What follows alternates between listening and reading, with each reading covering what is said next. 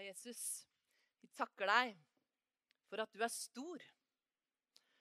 Vi takker deg for at vi kan få lov til å løfte opp ditt navn og si at ingen er som deg. Det er ingen som kan måle seg med deg. Det er ingen som er i nærheten av å være sånn som du er. Og Jesus, nå bare inviterer vi deg til å fortsette å være midt iblant oss. Virke på oss og tale til oss. Jesus, vi inviterer deg til å komme og være den du er. Og Jesus, vi innrømmer det gjerne. Vi bøyer oss for deg, og vi sier at vi trenger deg, Jesus. Vi trenger din kraft, din storhet, din nåde, ditt nærvær i våre liv på dette sted, akkurat der hvor vi er. Gode Jesus. Bare kom og øs ut din ånd, og gjør det som bare du kan. Vi bøyer oss for deg. Vi respekterer ditt nærvær. Vi gir oss sjøl på nytt til deg den formiddagen her. I Jesu navn. Amen. Amen. Jesus! Ja, for et privilegium å få lov til å løfte blikket og hjertene våre til ham. Sant? For en ære! Fantastisk å få lov til å komme sammen her på Fredheim Arena. Tusen takk for invitasjonen til å være her sammen med dere. Jeg skal hilse så mye fra Ståle. Han er på vei til et 50-årslag i Østfold akkurat nå, så han måtte reise i går kveld. Men eh, det her er altså gjengen min. Det er jeg som står eh, ytterst, eh, ytterst til høyre der, da, hvis du syntes det var vanskelig å kjenne meg igjen. Eh, men dette er mannen min Ståle ved siden av meg. Og så har vi tre barn som etter hvert begynner å bli nokså store. Bendik, Miriam og Philip. Philip han begynte på Tryggheim på andre klasse på VG2 tømrer for et par uker sia. Og han har det sykt bra! Så det er herlig. Vi har hatt gleden av å stå i tjeneste, i fulltidstjeneste i Ungdom i oppdrag i nesten 30 år. Så da tenker du sånn Ja, begynte du når du var 10? Takk skal du ha. Jeg gjorde ikke det. Men jeg har fått lov til å fokusere veldig mye av tida mi og livet mitt og ressursene mine på å feste blikk på Jesus og få lov til å peke på han. Og det er min bønn den morgenen her, den formiddagen her, at jeg skal få lov til å gjøre det for deg også. Og Så skal jeg prøve å bruke sånn 30-40 minutter på det. Og, så har jeg ikke på meg klokke. og så Det var litt vanskelig å se den klokka bak der, men dere får begynne å rope. Det, for en tid tilbake, det er vel sånn halvannet år siden, så skulle jeg tale på en damekveld i Øvrebø oppe og litt nord for Kristiansand. Og så Idet jeg skulle gå, så tenkte jeg at jeg skal ta på meg en annen klokke. Og så tok jeg en litt sånn finere klokke. Jeg skulle på damemøte og prøve å se litt fjong ut. Og sånn, og så tok jeg på meg en klokke, og så kommer jeg der på, på møtet, og så starter det med kveldsmat. Og så går vi opp og begynner på møtet, og jeg får ord og begynner å tale. Og så når jeg ser på klokka, så tenker jeg kjære tid, så god tid vi har i kveld. Så jeg følte Tida hadde ikke gått i hele tatt. Så tenkte nå har jeg jo god tid. Og jeg talte og la ut hjertet mitt. De gjorde forresten en undersøkelse i Vårt Land og fikk så lenge siden hvor lenge talere taler. Er det noen som leste det? Og når du spurte talerne og pastorene sjøl, syntes de de talte akkurat passe kort. Sånn ca. 30 minutter. Mens når de spurte de som satt i salen, så det var veldig lenge. sånn Kanskje en times tid. Så det er ikke alltid vi har helt rett virkelighetsforståelse. Men når jeg da satte meg ned, da, når jeg var ferdig å tale der i Øvrebø, så hadde jeg sagt ja, hvis vi vil gjerne be for dere og bare være igjen. Så sier møtelederen «Eh, ja, Eh, nå begynner det jo selvfølgelig å bli veldig seint, men eh, hvis noen har lyst og fortsatt har tid, så er dere hjertelig velkommen. Og Marianne sa jo at hun ville i hvert fall være her. Så fikk jeg bare en veldig rar følelse og tenkte jeg, det må jo være et eller annet feil. Og så gikk det opp for meg at to uker tidligere så hadde man stilt klokka om til sommertid. Og den klokka som jeg hadde tatt ut av skapet, den hadde ikke jeg brukt etter det.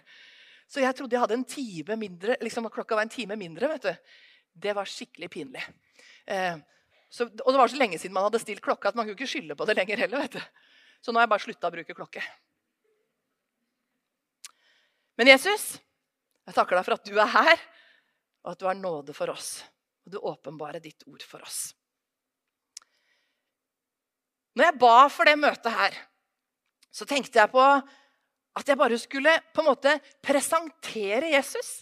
Jeg følte akkurat som Jesus sa bare snakk om meg. Bare vis meg fram.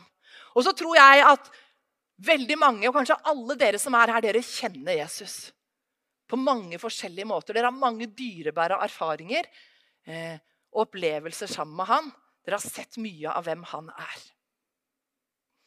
Og han kommer, og han kommer oss i møte med sin nåde. Det er sånn som det står i Efeserne 2, 8-9. For av nåde er dere frelst ved tro. Det er ikke deres eget verk, men det er Guds gave. Det hviler ikke på gjerninger for at ingen skal skryte av seg selv. Så Derfor så tenkte jeg det er han som har gjort alt. Vi skal ikke skryte av oss selv. Men det som jeg har lyst til å gjøre her i formiddag, det er å skryte av Jesus. Og snakke så høyt og så tydelig jeg kan om hvem han er i noen minutter. Og som Anne-Lene sa, så har vi hatt gleden av å være med på mange ulike ting her på Fredheim Arena de siste dagene. Og jeg har fått lov til å hilse på og bli litt kjent med flere av dere. Noen av dere har jeg møtt flere ganger. Og vi har presentert oss for hverandre på ulike måter. Og så er det jo Jesus som er hovedpersonen her i formiddag. Og så tenkte jeg sånn Ja, Jesus, hvordan ville du presentert deg? Hva ville du ha sagt? Så tror jeg Jesus sa sånn her Jeg ville ha presentert meg med et stort smil. Jesus er full av godhet. Han er glad for å se deg. Jeg vet ikke hvilket bilde du ser for deg av Jesus hvis han sto her og presenterte seg for deg. Men han er frisk, han er sunn, han er sterk, han er glad. Han er til stede, han er levende. Hvordan ser Jesus ut for deg? Jeg tror at øynene hans renner over av godhet. At han har varme og glimt i øyet. Han ser deg, han elsker det han ser.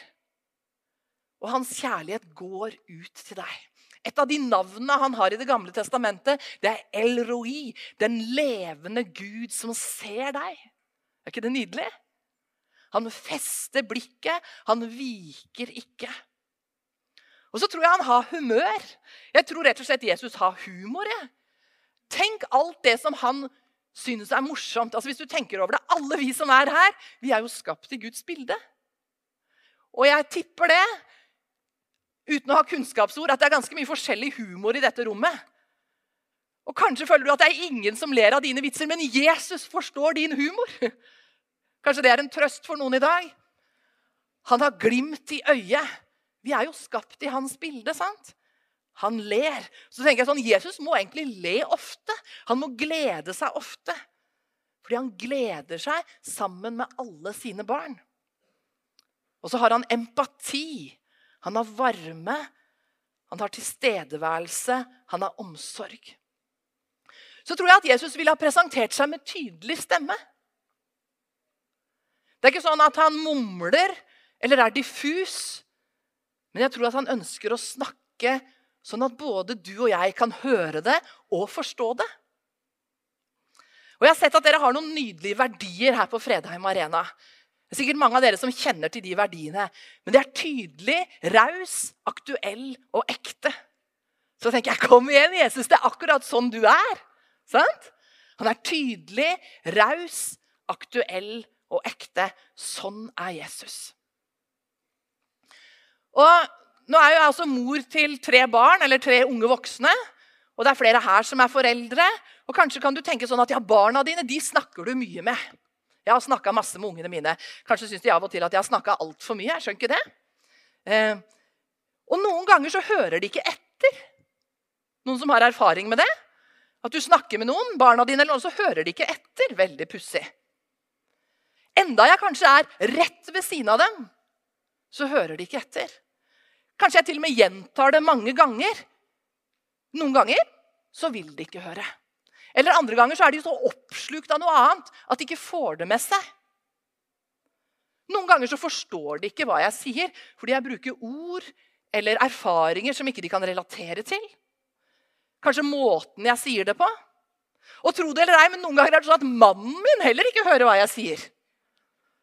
Noen som har opplevd det? Ja, jeg ser hånden din. Gud velsigne deg. Ja. Eller at jeg tror at mannen min og jeg er enige om noe. Og så mener han at vi har ikke snakket om det engang. Veldig interessant. Da tenker jeg det gjelder jo ikke å gi opp. Og sånn tenker jeg at Jesus er. Jeg er glad for at Jesus ikke gir opp meg, men at han ønsker å presentere seg sjøl igjen og igjen med tydelig stemme. Og så vet han hva jeg trenger, han vet hva du trenger, for at vi skal klare å gjenkjenne hva han sier. Og han gir seg ikke. vet du, Han er, han er standhaftig. Det er sånn som det står i Jesaja 50, siste del av vers 4 og vers 5. Så sier han må, Det er egentlig profeten som snakker om seg selv da, i relasjon til Gud. sier han, Morgen etter morgen vekker han mitt øre, så jeg kan høre på disiplers vis. Herren min Gud har åpnet mitt øre. Jeg var ikke trassig og trakk meg ikke tilbake. For mange ganger så er det sånn at jeg ikke forstår hva Jesus sier, enda han snakker veldig tydelig. Enda han er rett ved siden av meg, for kanskje er det så mye bakgrunnsstøy i livet mitt. Jeg tipper at noen av dere har opplevd det samme. Kanskje er det så mye annet som fyller ørene, som fyller tankene, som fyller hjertet. Det er noe annet som tar oppmerksomheten min eller fokuset mitt. Og Mange ganger så tror jeg at vi vil så gjerne være gode på multitasking. Vi vil holde på med alt mulig på en gang. Mens Jesus egentlig ønsker seg fokuset mitt og fokuset ditt. Jeg tror da at Jesus ville ha presentert seg med øyekontakt. At han vil se deg inn i øynene og feste blikket på deg. Han viker ikke. Han gir deg konsentrert oppmerksomhet. Og så tror jeg han ville ha presentert seg med hjertekontakt. Fordi han er helhjerta. Fordi han ser, fordi han elsker, fordi han ikke avviser. Det finnes ingen avvisning i han. Jeg tror at Jesus ville ha presentert seg med engasjement og ro på samme tid. Jeg ser for meg at Jesus egentlig er den mest engasjerte personen som finnes. Det sitrer på en måte av kraft og liv og tilstedeværelse. Det er på en måte ingen dødpunkter i han, for å si det rett ut. Han er levende. Han er så full av liv at ikke engang døden kunne holde han fast. Et liv som er så levende at det varer helt inn i evigheten. Og samtidig så er det en sånn himmelsk ro over ham. Et sånn nærvær, et fokus, en fasthet som gjør at det er fullstendig trygt. Du blir aldri overkjørt. Jeg tror at Jesus ville ha presentert seg i handling. Fordi det er typisk han å vise seg i gjerning. Fordi han er det han gjør, og han gjør det han er. Og Et annet av Guds navn i Det gamle testamentet, kanskje det viktigste på en måte, noe fundamentet i Guds karakter, det mest personlige navnet på Gud, det er Javé. Det navnet som han åpenbarte for Moses i den brennende tornebusken. Og Hva betyr det navnet? Jo, det betyr 'jeg er'. Men det betyr mer enn det. Det betyr 'jeg er den mine gjerninger sier at jeg er'. Så han presenterer seg gjennom handling, gjennom det han gjør. Og så tenkte jeg på det her, og så tenkte jeg, hvordan er det vi presenterer oss, da? Hvis du møter noen, og du skal si hvem du er, hva pleier du å si?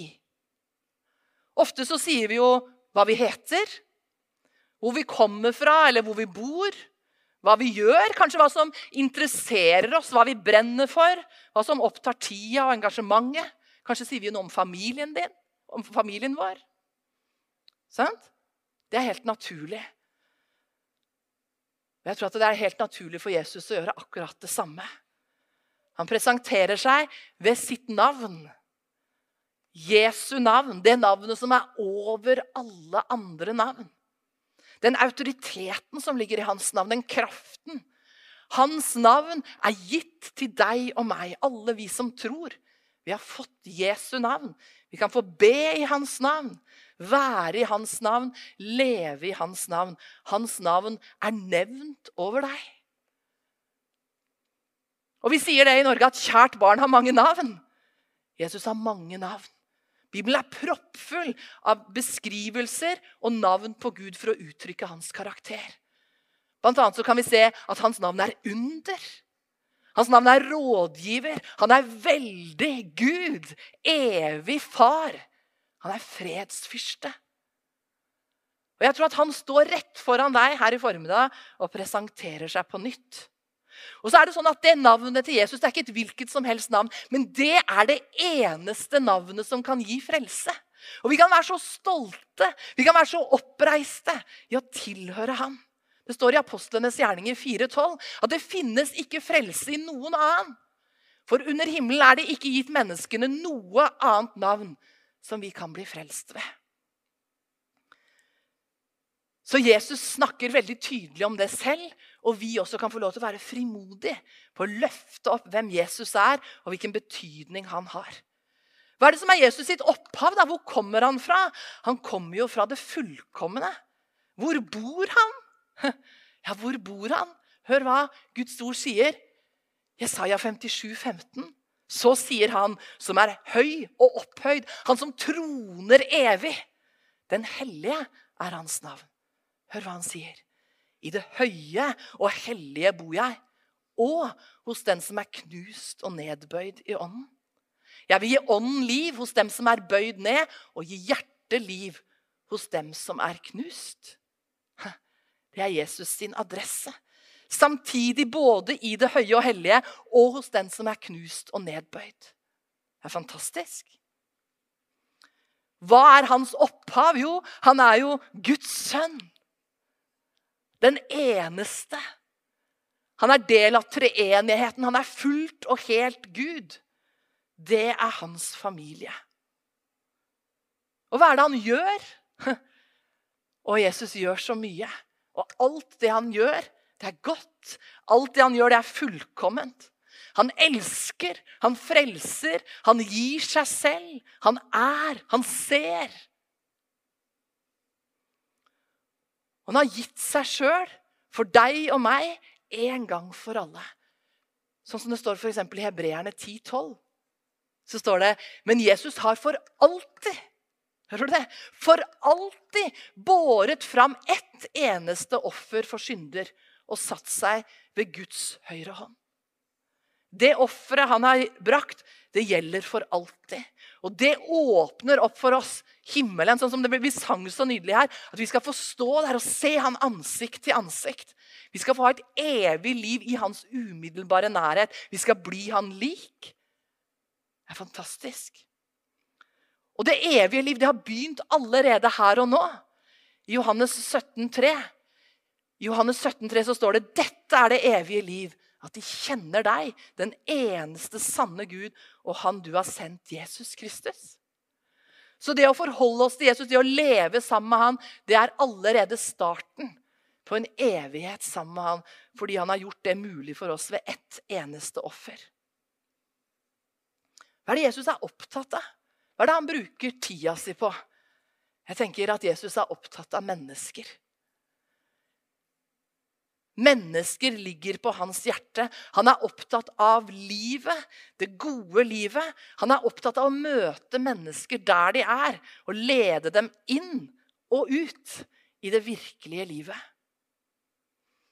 Jesus vil være der for de som trenger det, for de som trenger han. Og det gjør vi alle sammen. Og Noen ganger så tror vi at vi skal fikse livet sjøl, men Jesus har kommet for å hjelpe oss.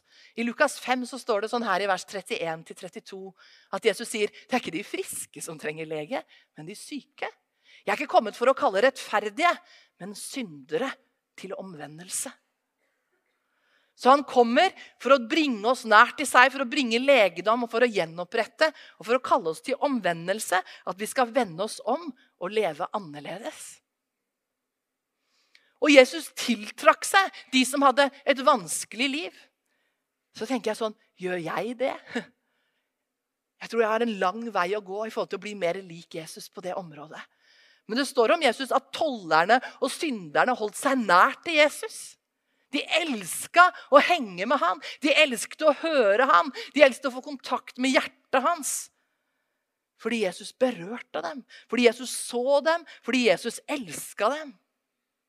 Akkurat der de var. Og så kalte han dem til omvendelse, til å leve annerledes. Fordi det er på Jesus sitt hjerte fortsatt i dag. Å sette mennesker fri og berøre mennesker. Jeg tror at det er en hovedaktivitet. Det er ho et hovedengasjement for Jesus. Og Jeg elsker det verset her fra Apostlenes gjerninger 1038, hvor det står at Jesus fra Nasaret ble salvet av Gud med hellig ånd og kraft. Og han gikk omkring overalt og gjorde vel og helbredet alle som var underkuet av djevelen, for Gud var med ham. Jeg tenker at Det er en utrolig god presentasjon av Jesus. Han var salva av Den hellige ånd. Han gjorde vel. Han gjorde det som var godt. Og han gikk omkring overalt og møtte folk. Noen ganger så tenker jeg at vi kan bli bedre på å gå der hvor folk er. Folk? Ja, Jesus bryr seg om folk.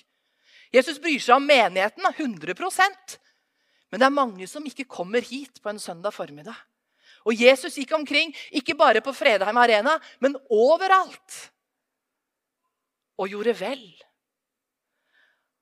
Hans hjerte er å berøre mennesker, helbrede, sette fri. Og han har Den hellige ånds kraft, som setter fri alle som er underkuet av djevelen. sånn som det står her. Alle som er holdt nede i det som vil begrense, innskrenke, røve, stjele, ødelegge. Hans hjerte er å gjøre vel og helbrede. Han er fullkommen. Han har alt det som du og jeg noensinne kan komme til å trenge. Uansett hvilken livssituasjon, hvilken omstendigheter, hvilken livsfase vi er i. Så er han alt det som du trenger. Det er ingenting ved han som kan forbedres.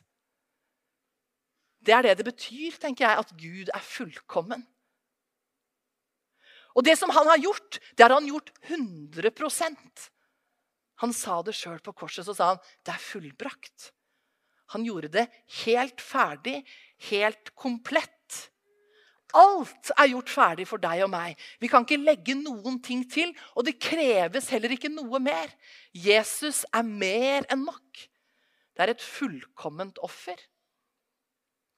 Og han eldste gutten min eh, han heter Bendik, og når han var sånn åtte-ni år gammel, så ble han veldig opptatt av at han måtte ha en ordentlig bibel. Han skulle ikke bare ha det der barnebibelen, bare noen av historiene. Han skulle ha hele boka, sånn som jeg hadde. Og Så fikk han først et Nytestamente, og så begynte vi å lese ett kapittel hver kveld sammen. Og så når vi kom til det her hvor det står at uh, du skal vende det andre kinnet til, så sa Bendik at det er utrolig vanskelig det der med å vende det andre kinnet til. altså mamma. Ja, jeg tenker sånn i forhold til Miriam og lillesøsteren hans. ikke sant? Det kunne være fryktelig irriterende. Og så sier jeg ja, jeg skjønner hva du mener, seg. det kan være vanskelig. det. Og så sier Bendik jeg er så utrolig glad for det der med Jesus på korset. Ja, det er jeg også, sa jeg. Ja, Jeg må be Jesus om tilgivelse hver dag, jeg, sa jeg. Må du det, mamma? sa Bendik. Ja, kanskje for noe jeg har sagt, eller noe jeg har tenkt, eller noe jeg har gjort. Og Så tenkte Bendik seg om et lite øyeblikk, og så sa han jeg må be Jesus om tilgivelse i hvert fall to ganger om dagen. Jeg, mamma. Så han hadde i hvert fall større selvinnsikt enn mora si. Men Så tenkte han seg om igjen og så sa han, men mamma, hva gjorde de før Jesus døde på korset? da?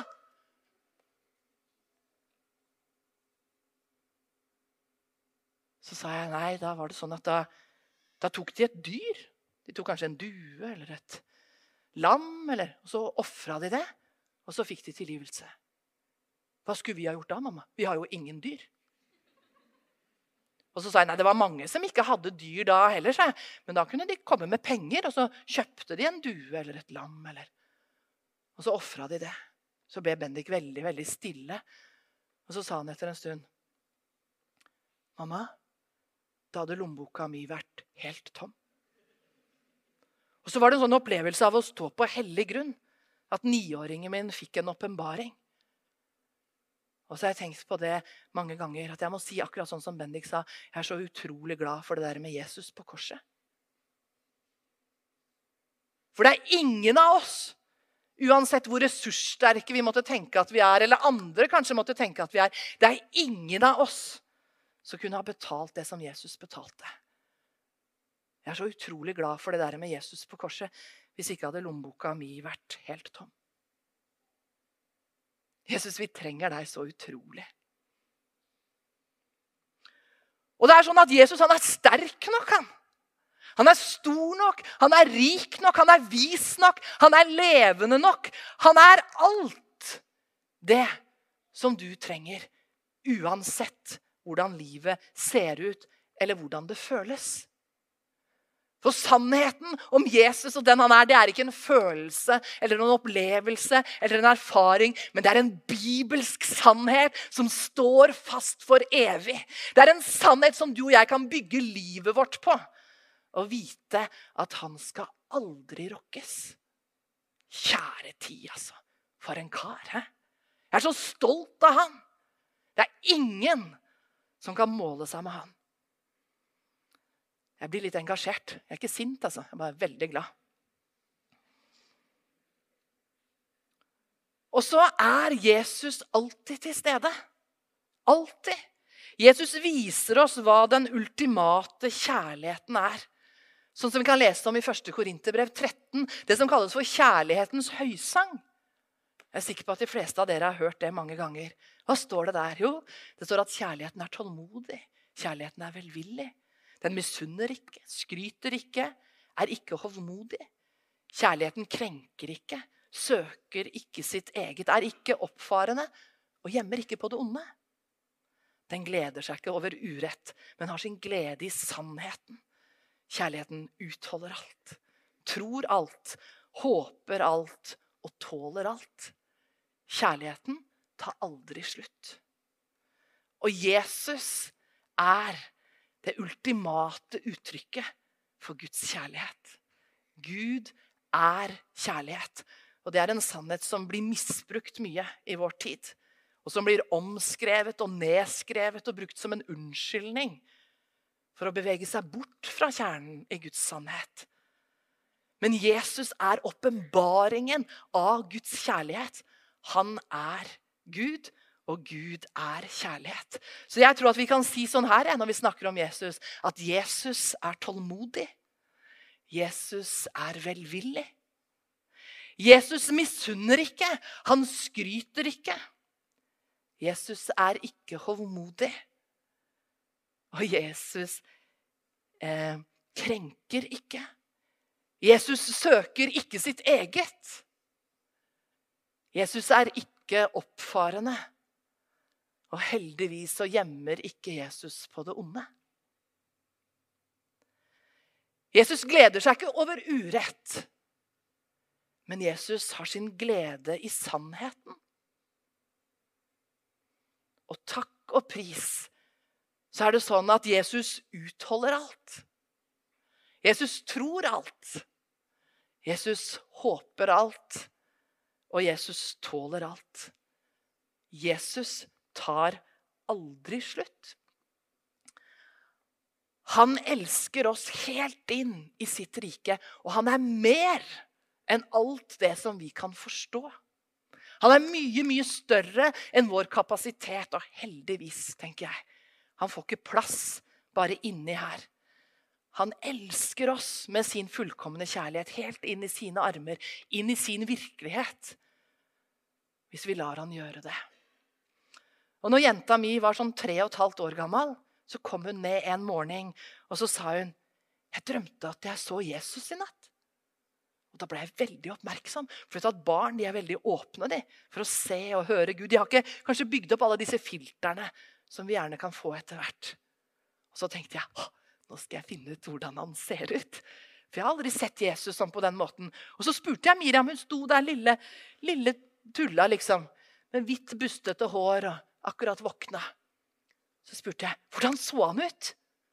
Og så tenkte Miriam seg om litt, og så sa hun mm, Han var veldig stor. I hvert fall 24!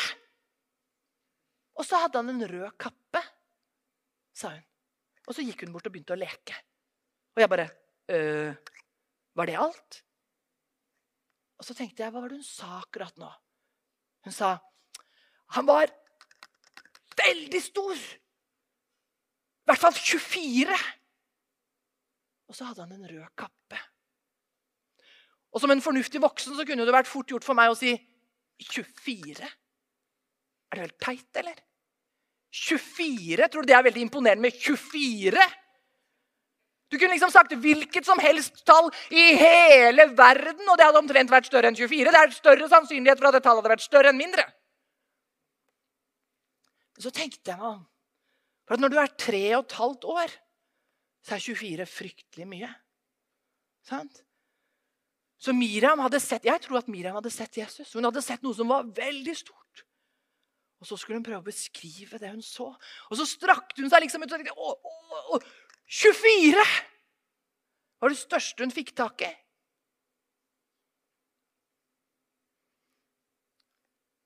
Og så følte jeg akkurat som Gud sa til meg akkurat sånn er du, Marianne. Du har sett litt av hvem jeg er, og så prøver du liksom å, å si noe om hva du har sett.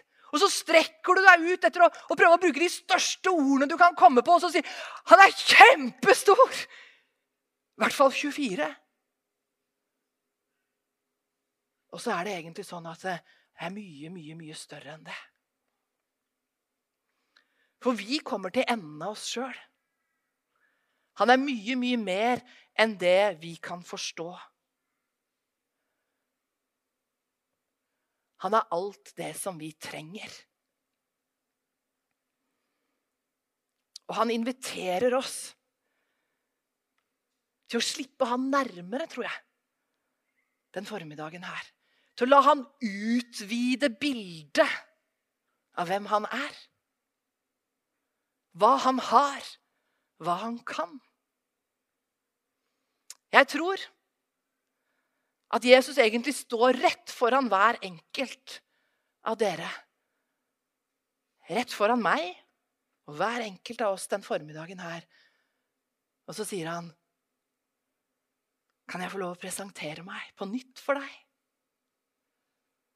Vil du høre på nytt, med hjertet, med ånden, med hele deg, hva jeg er, hvem jeg er, hva jeg gjør, hva jeg har? For det er mye mer. Alltid mye mer enn det vi har sett til nå. Jeg tror at han ønsker å løfte blikket vårt. At vi kan få se han på nytt inn i øynene og bli møtt og bli lekt. Og bli satt fri og bli begeistra og bli oppreist. Og kjenne at vi kan være stolte av ham. Og at det kan gi oss ny frimodighet og ny kraft til å gå ut. Til å leve for Han og la Hans liv synes gjennom oss. For det står det i 1. Johannes 2,6. 1. Johannes 2,6 så står det Den som sier at han er i ham, må leve slik Jesus levde. Så det er min bønn for mitt liv og for hver enkelt av oss som er her, at vi skal få presentere Jesus med våre liv, sånn at han blir synlig. At vi skal få presentere Jesus med våre liv, sånn at han blir kjent som den han er. Han som er salvet av Gud med hellig ånd og kraft og går omkring overalt og gjør vel.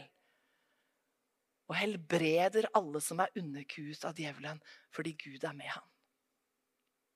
Så Jesus, vi takker deg for den du er. Vi takker deg for den ære og den privilegiet og det gaven som det er. At du sier at vi kan få kjenne deg. Og vi innrømmer det gladelig, Jesus, at vi trenger deg. Vi trenger å komme nærmere deg. Vi trenger å se deg tydeligere. Jeg lengter etter Jesus. Å få snakke sant om deg og leve livet mitt sant. Sånn at du får ære, og at mennesker blir kjent med deg og hvem du virkelig er. Jeg har lyst be for hver enkelt her i Fredheim Arena. At vi skal få vokse i nærhet til deg. At du skal gjøre vårt blikk klart og vårt øre reint og vårt hjerte mykt til å bli forma mer og mer lik deg og ditt bilde. Og så tror jeg Jesus sier sånn her.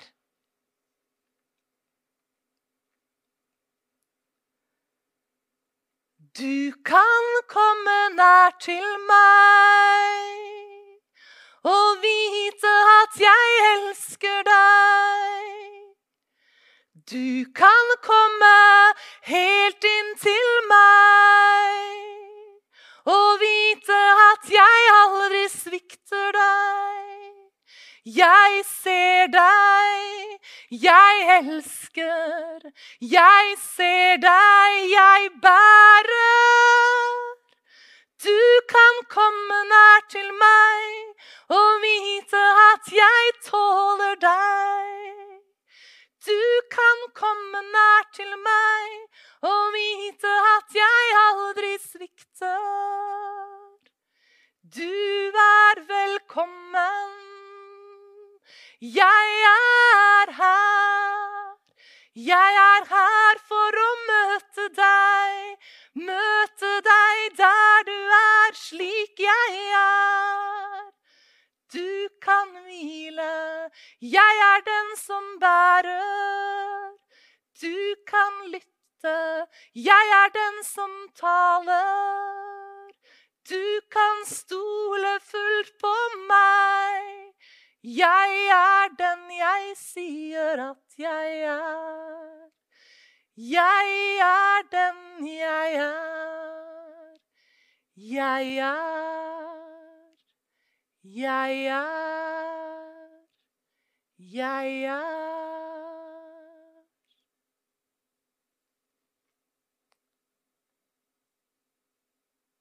Takk skal du ha, Jesus. Vi trenger deg. Vi elsker deg. Amen. Gud velsigne dere.